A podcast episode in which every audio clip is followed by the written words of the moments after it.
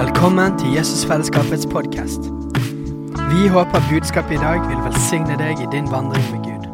Og om du vil ha mer informasjon om menigheten, kan du gå inn på jesusfellesskapet.no.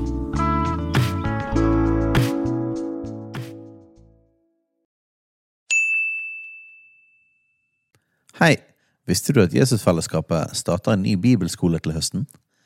Den heter Jesusskolen og starter den 3. september. Gå inn på jesusskolen.no for mer informasjon. Jeg, har opplevd de siste, siste par månedene at eh, Gud har lagt på meg at jeg skal begynne å forkynne et budskap, og at vi skal gjøre det en del dette halvåret, som jeg eh, gru, jeg gruer meg litt for det. Um, det er ikke fordi at det er fryktelig fælt eller noe sånt. Jeg tror mye av innholdet er dere veldig kjent med allerede. Men, men jeg opplever at han kaller meg og oss til å ta et offentlig, frimodig steg inn i noe som han har talt om lenge. Og jeg syns det er skummelt. Um, så jeg var nervøs i dag. Jeg pleier ikke å være nervøs før jeg taler. I hvert fall ganske mange år siden sist. Og, eh, men jeg er veldig glad for at, eh, at eh, Gud bruker kroppen sin, for det, er en del av dette budskapet. det at vi, vi er et legeme, vi er en kropp.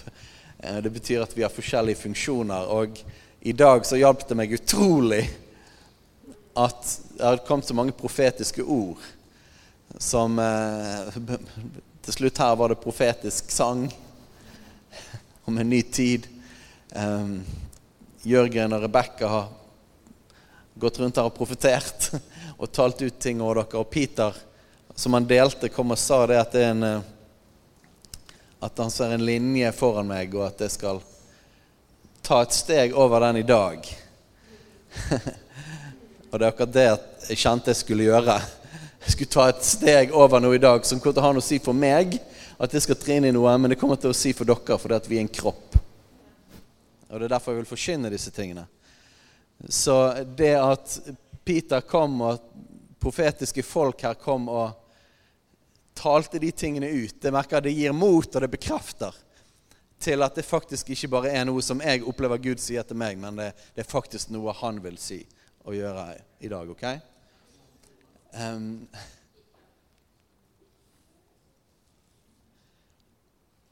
jeg vet ikke hvorfor hvorfor det er vanskelig å snakke om det, men um, Jeg begynte å dele disse tingene på, DNA-samlingen på tirsdag for de som er gruppeledere og forskjellige ledere i menigheten. Um,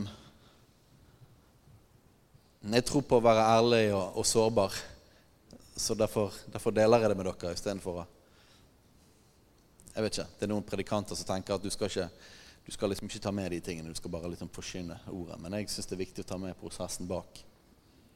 Når vi leser Bibelen, så er det jo sånn. ikke? Det er, liksom, det er ikke bare liksom sannhetene som kommer, men det er også prosessen i livet til folk. Men jeg tror at eh, jeg tror det som er utfordrende for meg i forhold til å forkynne dette Nå er jeg blitt 40 år. Jeg har, jeg har alltid vært en visjonær person. Og vi er forskjellig skrudd sammen. Jeg er skrudd sammen sånn at jeg jeg ser ting langt fram, jeg får mye ideer og ser store ting. Det er både en del av personlighet, men òg en gave. Det har masse positive sider med seg, men alle gaver alle personligheter har òg svak, svakheter, da, sårbarheter. Sårbarheten med det er det at eh, jeg merker det blir mer og mer utfordrende å snakke om og tale ut store ting jo lenger i livet jeg har gått, fordi at jeg har opplevd så mye skuffelser. Jeg har opplevd så mye eh, min egen tilkortkommenhet. Jeg har opplevd nederlag. Um, og jeg kjenner fristelsen, og jeg tror jo den fristelsen Den som står bak den fristelsen, det er fristeren. Jeg kjenner fristelsen til å ikke sette listen så høyt eller snakke om så høyt om store ting, for da slipper jeg å bli satt i den situasjonen at, eh, at eh, folk tror at jeg er gal. Sant? Da slipper jeg å bli satt i den situasjonen at, at folk kan se det bare sånn her Ja, eh, du snakker alltid om store ting, men eh, liksom, hva er det egentlig som skjer? Sånn, Som jeg nevnte på, på, på tirsdag jeg snakket om. Liksom, ja, vi, vi, liksom, heftige visjoner du har, liksom, men vi sliter med å ha, ha teknikere. Heftige visjoner, men vi er en liten flokk inni her. liksom. Du har snakket om store ting i årevis. Har det skjedd noe? Har det ikke bare vært eh, elendighet og ulykke? Fristeren prøver å friste meg til å legge ned listen, sånn at jeg ikke Sånn at jeg ikke setter meg sjøl i en situasjon sånn at enten dere får store forhåpninger og så blir skuffet, eller at dere blir kyniske og tenker at vi gidder ikke lenger å høre på store visjoner fordi at eh, jeg har hørt så mange, og det skjer ingenting. Det er fristelsen min. Og så kommer anklageren, og det er den samme fyren som frister han. Satan. Og så kommer han og på, påpeker alle tingene som ikke funker i mitt eget liv og hos oss som fellesskap. Hvem er du til å begynne å snakke om store ting når alt dette her ikke funker? Dette var lettere for meg i begynnelsen av 20-årene og begynnelsen av 30-årene, men nå er det vanskeligere for meg fordi at eh, jeg har en del mer bagasje. Og for meg er det ikke en overfladisk ting å tale om ting som jeg opplever Gud har sagt. Men jeg har ikke lyst til å være en sånn ulv-ulv-person. Sant? Og Karismatiske settinger har vært anklaget for det. Vi snakker om den store greien og den store vekkelsen som aldri kommer. Og alle sammenhengene som på, tror på store ting og taler ut store ting, så krasjer de etter noen år, og så blir det elendighet. Er det noen som opplever det? Derfor har jeg ikke lyst til å dele om de tingene. Men jeg blir ikke kvitt det. Jeg blir ikke kvitt det.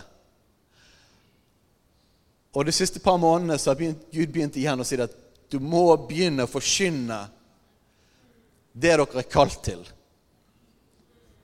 Du må begynne å tale det ut. For det at vi er en kropp Hvis du tilhører denne kroppen, denne flokken Menighet er ikke noe du går i. Menighet er noe vi er. Vi er Kristi legeme, Kristi kropp. Han er hodet, vi er kroppsdelene. Du kan ikke gå i kirken. Du kan være det. Men det fins kroppsdeler som ikke har lyst til å være en del av kroppen. Og det fins kroppsdeler som ikke fungerer, og ikke er i sitt potensial. Men Den hellige ånd kaller oss alle til å være koblet sammen med de andre kroppsdelene og være kroppen sammen. Det er ikke jeg som bestemmer hvem som skal være i Jesusfellesskapet eller ikke være i Jesusfellesskapet. Det er Jesus som er hodet. Og vi er en del av den større kroppen, Guds menighet i Bergen. Men dette er ikke en sånn popularitetskonkurranse. at Hvis jeg forkynner ting som på en måte folk liker, så blir vi mange folk, og så kanskje du blir engasjert. Det er ikke sånn, er ikke sånn kroppen fungerer. De forskjellige kroppsdelene gjør det som hodet sier. Punktum. Så jeg må gjøre det jeg skal gjøre, så får Gud ta seg av resten. Så får Gud ta seg av deg og snakke til deg. Det er ikke jeg som bestemmer over det.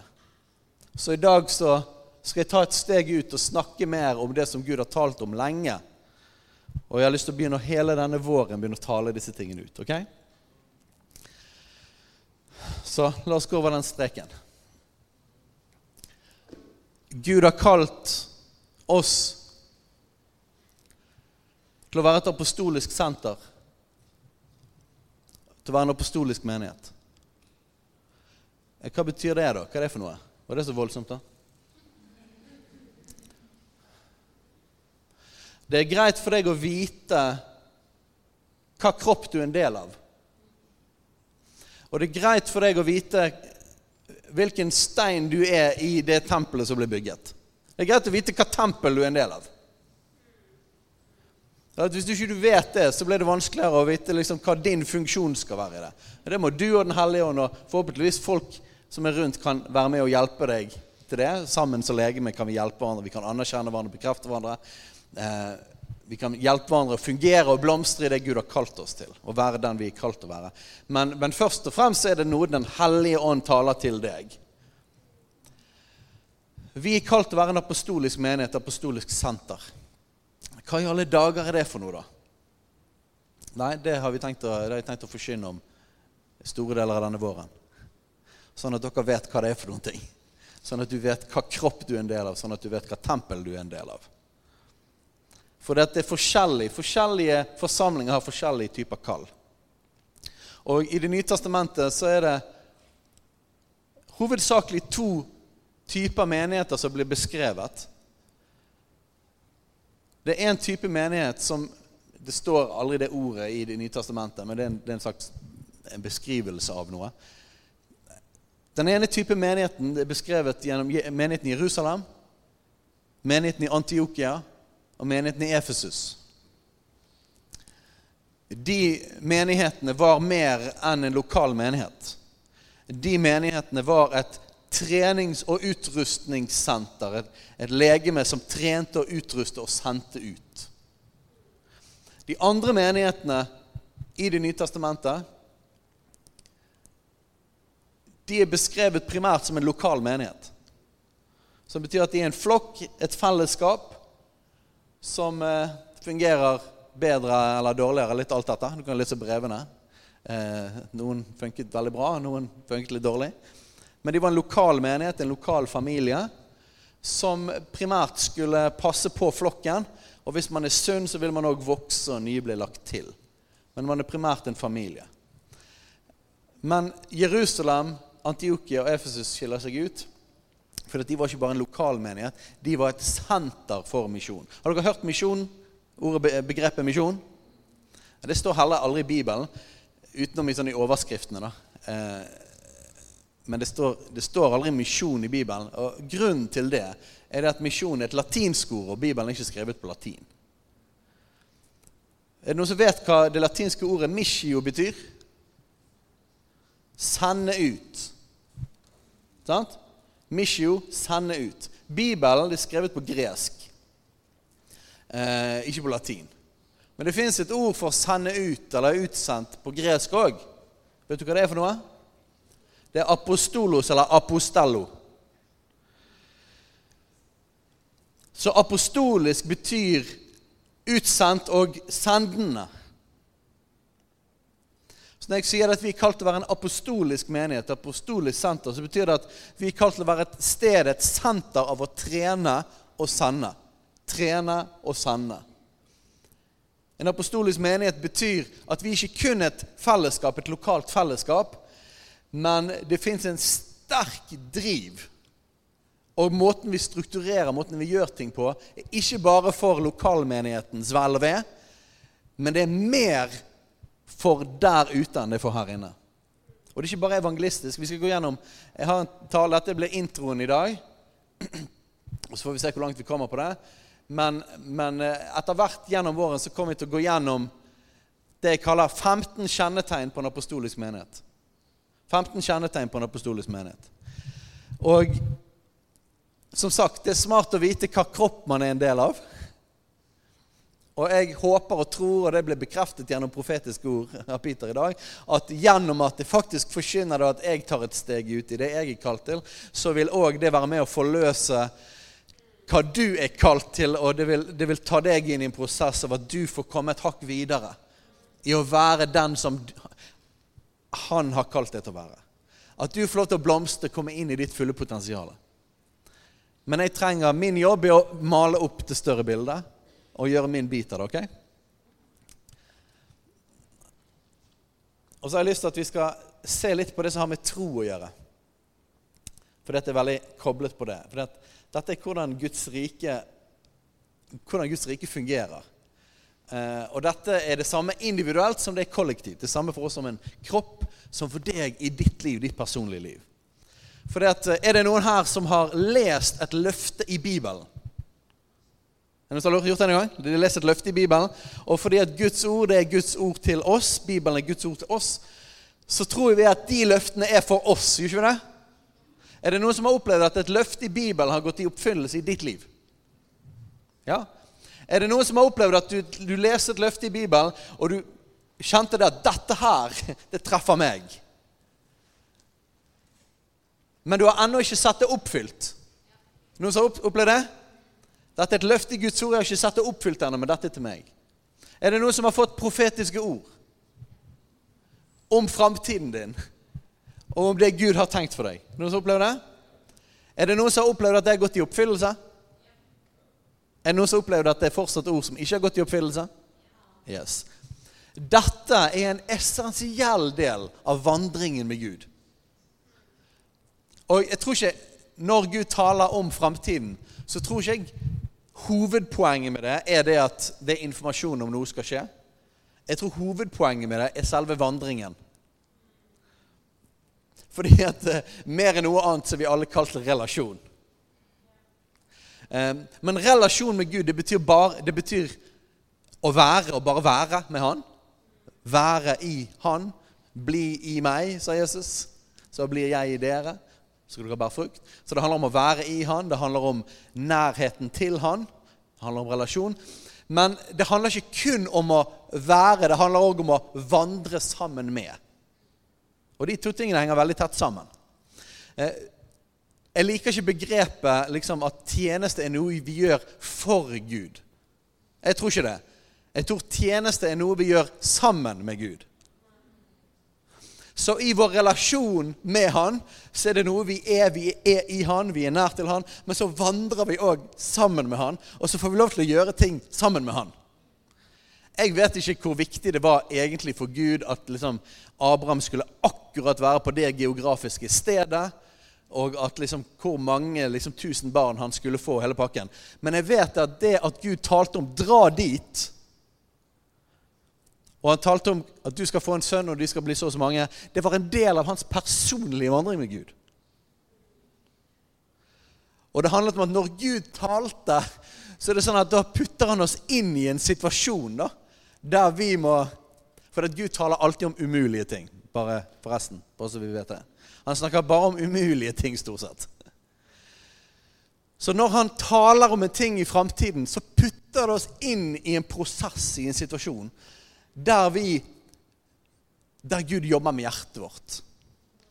Og det, det som skjer, det er at når han sier f.eks. til Sara om ett år så skal du få et barn, og, og, hun er altfor gammel, hun kan ikke få barn, så handler ikke det bare liksom om barnet og det mirakelet skal skje. Det handler om hva er det som skjer inni Sara når Gud sier det som skal skje, som er umulig.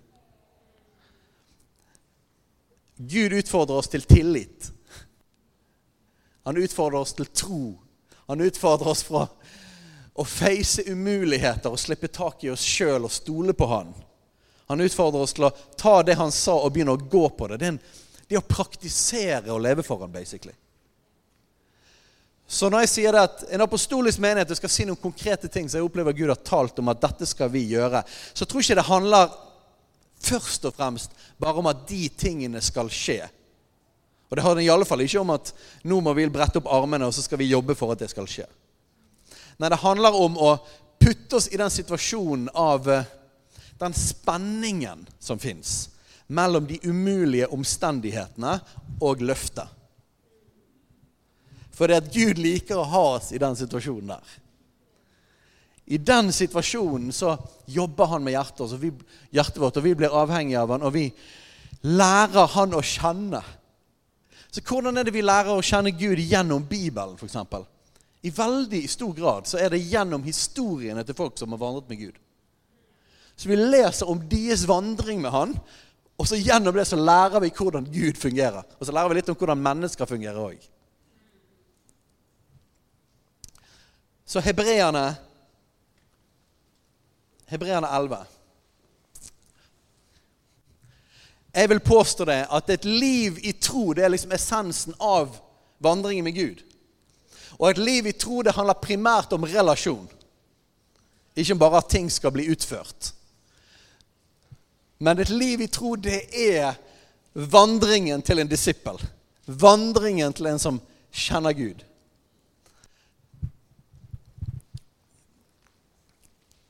Og Hebreerne 11, 1-3 er helt essensiell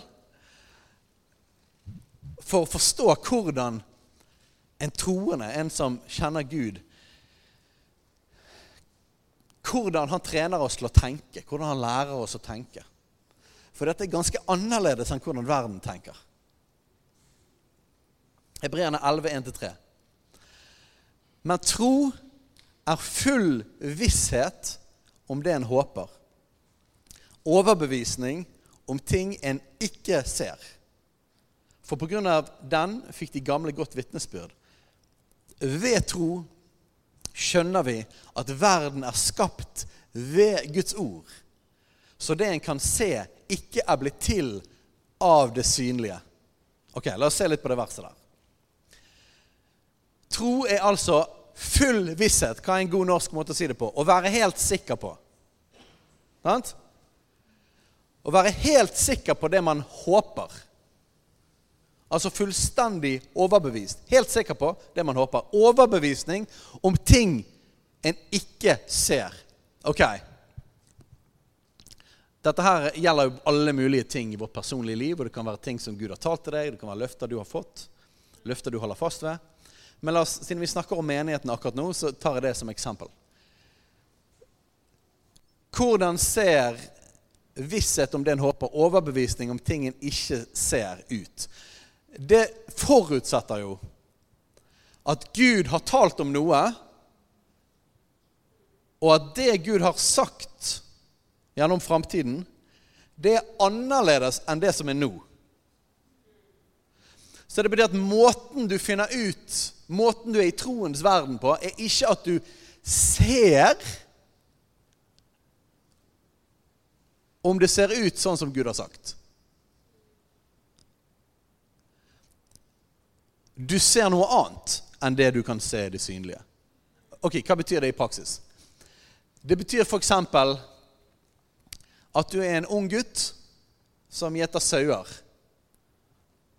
Og så en dag så kommer det en fyr, sikkert med skjegg, for den var profeten Samuel. Og så sier han eh, Så tar han olje og heller det over deg og sier at 'du er salvet til Israels konge'. Var det noen i familien hans som så konge over han? Var det noe i Davids omstendigheter som så ut som dette er Israels konge? Nei.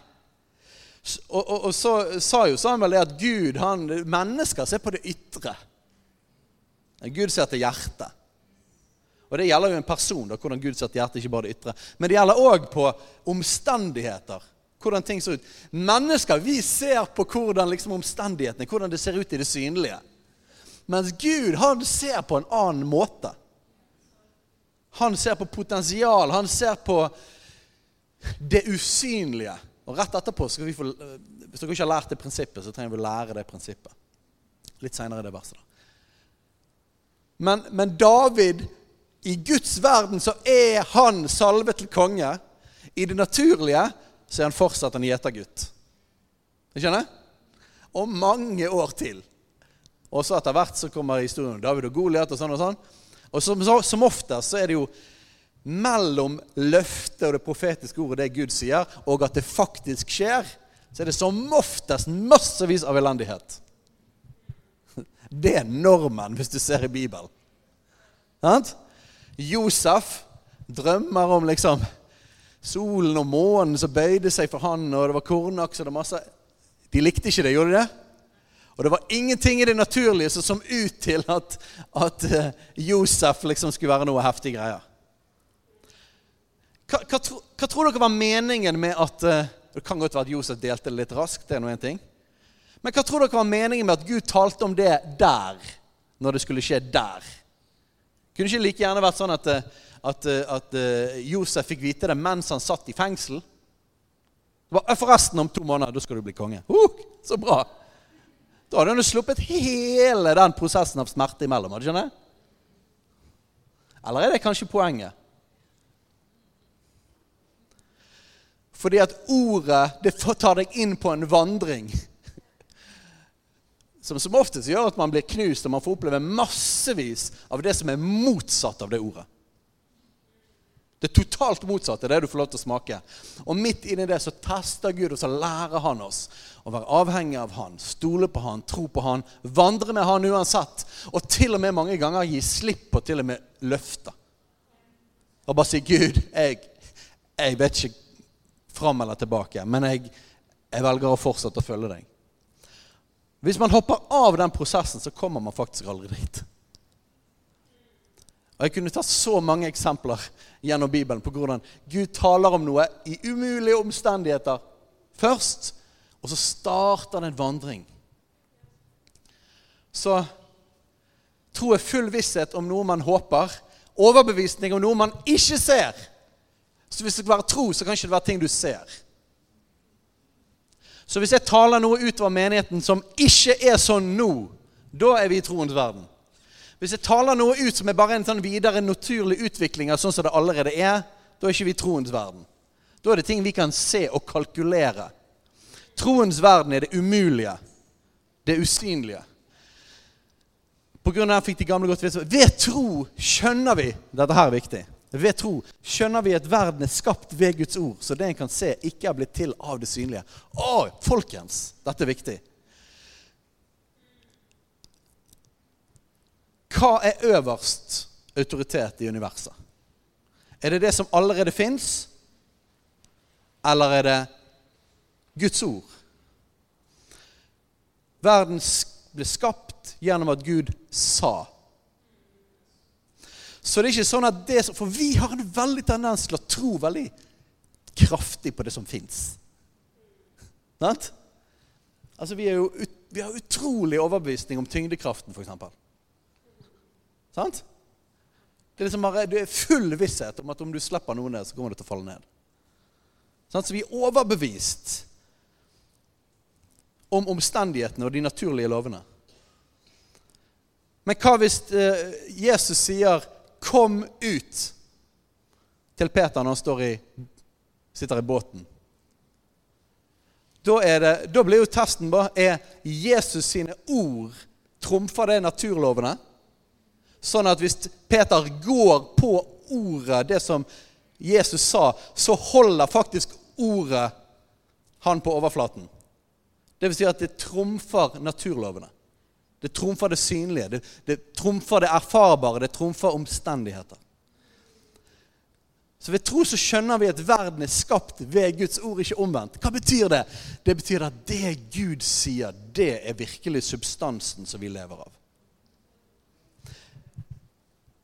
Vi har tre barn vi som eksisterer. Jo da, vi vet hvordan man får barn i det naturlige. Men de eksisterer fordi Gud talte før de ble unnfanget. Og sa hva de skulle hete, hva som var deres kall, hva som var ordet over livet deres. Joshua hadde vi ikke tenkt å få engang. Vi hadde ikke lyst på flere barn. Men det viser seg sånn at når Jesus er herre, så er ikke det noe vi kan bestemme. Vi kan selvfølgelig være ulydige. Men han sa hvis dere ikke får et barn til, så vil dere ikke komme inn i neste sesong av deres liv. Ok. Og derfor fins Joshua. Han var først et ord. Nå er han en person. Ordet ble kjøtt. Det begynner alltid med ordet. Bli lys, og det ble lys. Vi eksisterer, alt vi gjør, det er fordi at han talte det. Jeg delte dette på tirsdag, men en interessant historie om det profetiske ordet, om Guds ord. At det var, det var Chris Walton i, i, i Bethel Church. Han, eh, han satt ved siden av en gang et ektepar og en dame som ikke kunne få barn.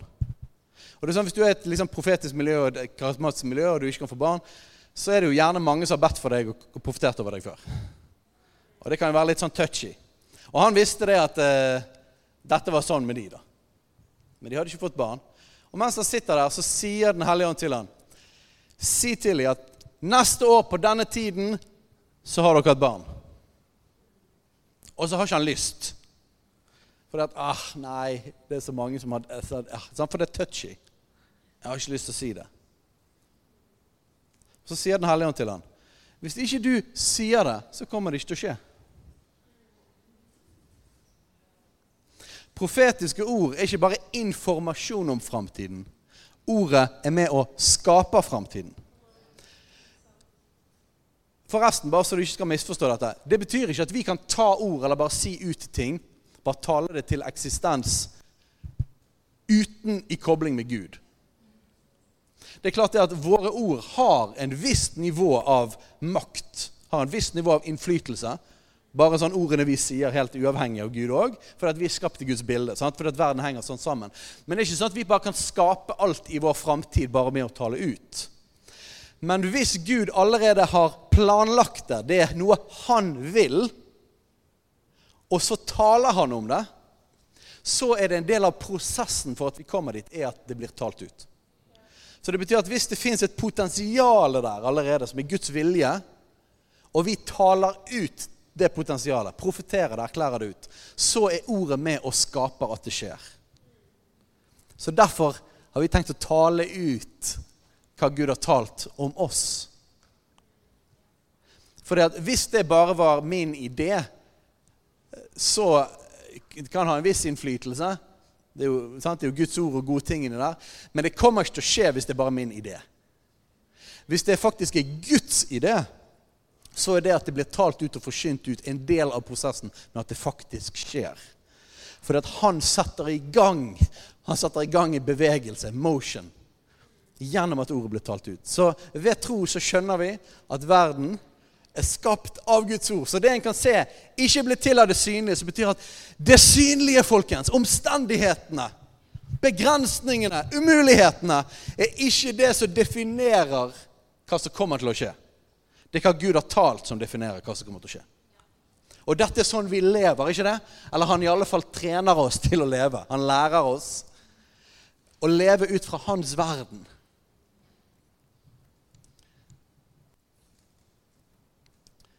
Jeg har lyst til å bare lese eh, et par vers fra Romerne som bare understreker disse tingene.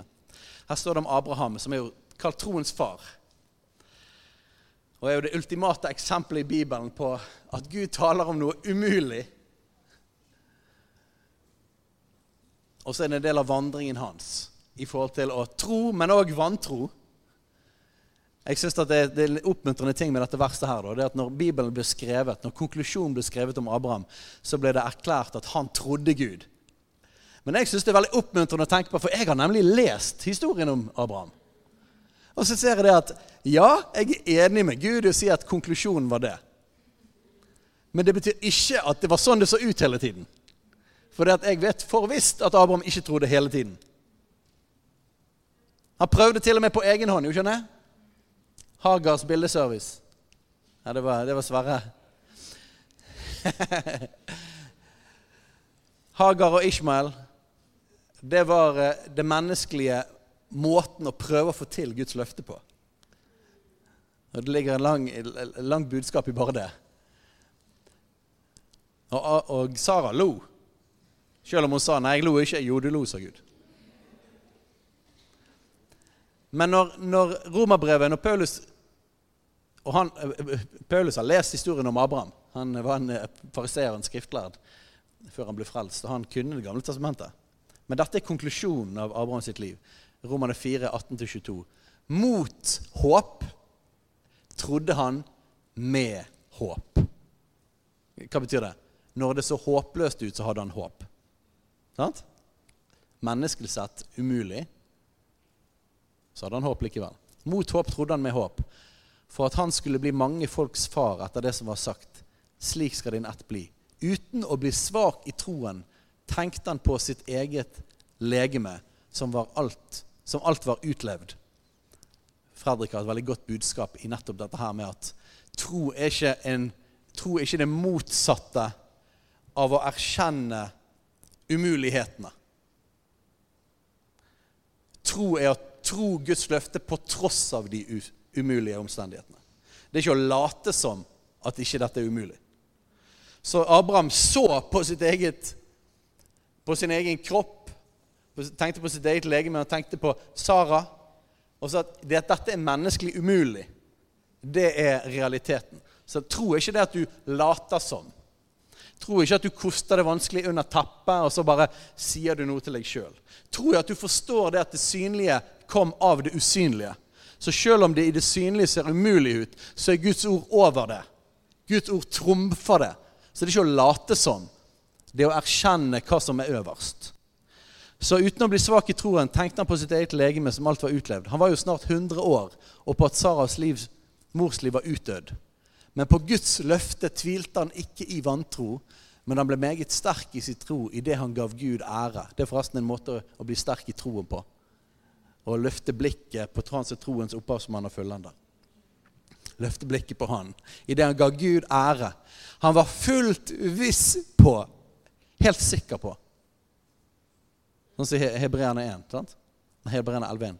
fullt viss på at det Gud hadde lovt, det var han òg mektig til å gjøre. Derfor ble det også regnet ham til rettferdighet. Han var helt sikker på at det Gud hadde lovt, det var han mektig til å gjøre, selv om det så umulig ut. Dette er troens essens. Og så Romerne 10, 17, bare så dere vet hvorfor i all verden jeg forkynner disse tingene. Og Der står det hvordan troen fungerer. Så kommer da troen av forkynnelsen som en hører. Og forkynnelsen som en hører, kommer ved Kristi ord. Så troen i oss, og akkurat i dette tilfellet i deg som sitter her. Det er derfor vi holder på med forkynnelse, forresten. Og de gjorde det i Bibelen. Jeg hørte akkurat på øret i dag at Paulus sa til Timoteus legg vind på spesielt forkynnelse og undervisning. Han sa det, det, var, det er viktig. Hvorfor det? Fordi at når Guds ord blir talt ut, så skaper det. Så dette er ikke bare en eller annen sånn tradisjon at det står en eller annen fyr oppe og sier noen greier, og så skal man sitte og høre på. Nei, det, det er en av redskapene Gud har for å bygge oss opp. Så troen kommer av forkynnelsen. Så hvordan skjer det? Det at jeg taler ut Guds ord. Enten det er ting som er fra Bibelen, eller det er profetiske ting som Gud har talt om for framtiden. Når jeg taler de tingene ut, så sant at det faktisk er Guds vilje, og det er Hans ord, så skaper det noe i våre hjerter. Det står Rett før i kapittel 10 der så står det om at det står om eh, i hjertet tror vi. Med hjertet tror vi. Så troen blir skapt i hjertet ved at Guds ord blir forkynt. Og så begynner det å spire inni oss. Troen kommer av forkynnelsen, og forkynnelsen kommer av Kristi ord. Det er jo forutsetningen da, for at det er tro født av Gud. Det er at det faktisk er Kristi ord som blir forkynt. Så troen kommer av forkynnelsen. Og Jeg skal gå inn for landing. Dette er jo sånn intro, introtale. Men jeg har lyst til å legge det grunnlaget i forhold til hvorfor er det vi har tenkt å forkynne disse tingene. Jo, vi forkynner det fordi at Gud vil at det skal skje. Og derfor må det tales ut. Og når det blir talt ut, så setter det i gang en prosess inni oss. Og så tar Den hellige ånd det ordet, og så begynner han å jobbe med deg.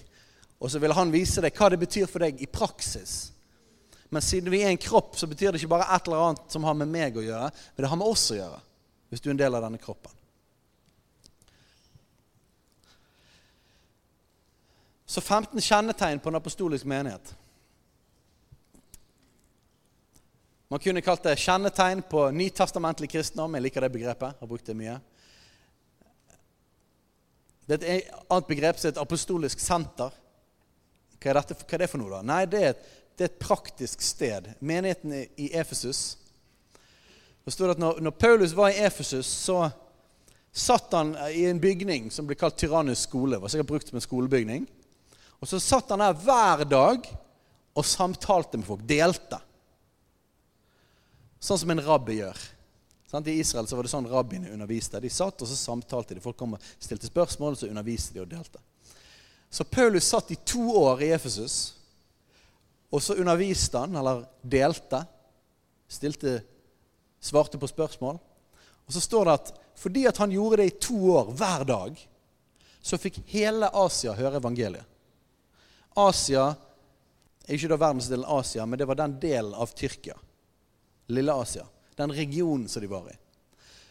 Et utrustningssenter eller et apostolisk senter, det betyr et sted av trening og undervisning, utrustning, som gjør at hele regionen blir berørt av evangeliet. For Det står ikke det at Paulus gikk ut sjøl. Og vi vet at det var seks menigheter ut fra menigheten i Efesus som ble plantet i regionen der. Rett og slett gjennom at Paulus bare underviste og trente. Så menigheten i Efesus var ikke bare en menighet i Efesus. Menigheten i Efesus var et utrustningssted som gjorde det at det berørte en hel region. Gud har kalt oss til å være det. Og jeg vet ikke om du tenker på det, kanskje når, når, kanskje når jeg sier det, at har tenkt, Gud har tenkt at vi skal være et utrustningssenter som trener og berører en hel region. Kan det godt være at du tenker liksom Ja, så bra, da. Konge, det. I så fall har du det lettere enn meg. For det, det jeg tenker, er Å, kjære Gud, har ikke vi nok problemer? Er ikke det nok ting vi ikke får til? Vi er en liten flokk, og så skal For meg så ser det vanskelig ut. Så jeg må holde opp Saras døde mors liv. Eller se på sin egen kropp. Se på begrensningen.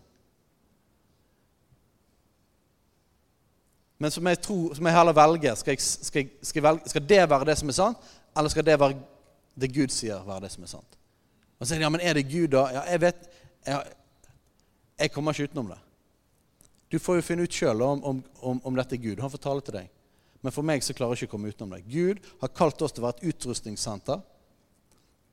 Gud sa til meg når vi tok over ledelsen av menigheten, så sa han det at eh, ti år 1000 disipler, 100 disippelgrupper og ti forsamlinger. Det var jo praktisk at det var så rundt. da, 1000 og 100. Og jeg driver og teller på det, for det, betyr i 2028. Det begynner å nærme seg. Det er seks år, ikke? I begynnelsen av året, da. Så. Det er umulig.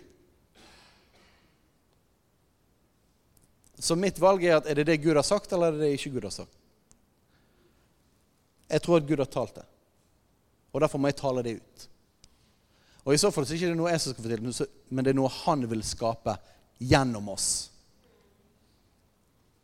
Jeg tror at dette stedet, og det har vi sagt mange ganger, jeg tror dette er et vekkelsessted. Det er en arv av vekkelse, en historie av vekkelser. Både gjennom Maranata evangeliekirken, gjennom andre ting som har skjedd her. Gud har talt til meg og vist meg mange ganger, og mange andre som har vært der, at det kommer til å strømme av mennesker inn her. Akkurat på dette stedet har jeg sett veldig tydelig at dette er et sted av mirakler. Det er som en Betesta-dam. Her kommer lamme til å gå. Her kommer dødssyke til å bli helbredet. Det er et sted av mirakler. Gud har vist meg at dette er et sted av bønn og lovsang hver eneste dag, flere ganger om dagen, kommer til å stige opp tilbedelse og bønn til Gud. Det kommer til å være et sted, et hvilested for Den hellige ånd. Som gjør at når folk kommer inn her, så kommer de til å få en møte Gud. Folk kommer til å komme inn fra gaten. Gud har vist meg at vi skal se hele området her preget av Guds rike, av Guds nærvær. Han har vist meg hele oppå galleriet og framover når alt er Når jeg så det, så var det ferdig Det var stappfullt av, av, studenter. Og folk i begynnelsen av 20-årene. Studentvekkelse. Gud har vist meg at det kommer til å være en skole her av trening i bygget. Det er et misjonssenter, og det er et sted, det er et senter for evangelisering. Evangeliet kommer til å gå ut fra dette stedet. Vi kommer til å sende ut team, vi kommer til å sende ut misjonærer herfra. Det er noen av, noen av bitene av hva et apostolisk senter ser ut som. Det kommer også til å være en menighet, en forsamling, en familie. Men det kommer til å være mer enn det. En apostolisk menighet er en trenende og sendende menighet. Det betyr òg at vi må være mer frimodige om å snakke om Jeg skal avslutte med det. Vi må være mer frimodige med å snakke om tjenestegaver og snakke om apostolisk lederskap. Og det er den aller skumleste biten inni her.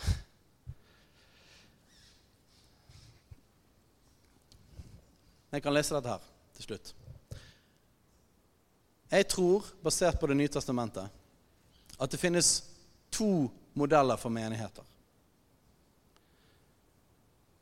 Det ene er menigheter med lokalt apostolisk lederskap. Enten så er det menigheter med et lokalt apostolisk lederskap, da er det i så fall en trenende sende, en apostolisk menighet, et apostolisk senter. Den andre typen menigheter i Det nye testamentet, det er lokale menigheter som er et resultat av misjonen fra apostoliske menigheter. Som er under tilsyn, apostolisk tilsyn og oppfølging. De har ikke nødvendigvis apostler eller hele spekter av tjenestegaver i sitt lederskap. Men de har et lederskap som er innsatt av apostler og fulgt opp av apostoliske team med en bredde av tjenestegaver. Begge varianter gjør menighetene apostoliske. Det finnes ikke noen annen variant av menighet i Det nye testamentet. Og den eneste grunnen til at det er et poeng å tale ut og snakke om apostolisk kristendom, apostoliske menigheter, er det at vi har mange hundre års tradisjon i Europa og i Norge på at det ikke er sånn vi driver menighet. Så det må tales ut og forklares og forkynnes hva det er for noen ting, for det er ikke standarden. Men i Nytestamentet fins det kun to typer menigheter. Enten en menighet som ledet, har apostolisk lederskap, eller menigheter som er startet ved at sånne menigheter har startet i. Det er de eneste menighetene som fins i Nytestamentet. Som betyr at vi må faktisk snakke om apostelgaven, aposteltjenesten. Og det er kjempekontroversielt. Derfor er det skummelt å snakke om det. Men i Det nye testamentet så er det fundam fundamentet i forståelsen av hvordan menighet fungerer, og hvordan lederskap fungerer. Det betyr at vi òg trenger en liten å snu om i forhold til hvordan vi tenker. Hvordan menighet ser ut, og hvordan menighetslederskap ser ut. Fordi at vi er vant med hvordan det blir gjort i mange mange, mange hundre år i Europa. Men det er ikke det Gud har kalt oss til. Jeg tror Gud har kalt oss til å faktisk være en av eksemplene i Norge på hvordan dette ser ut.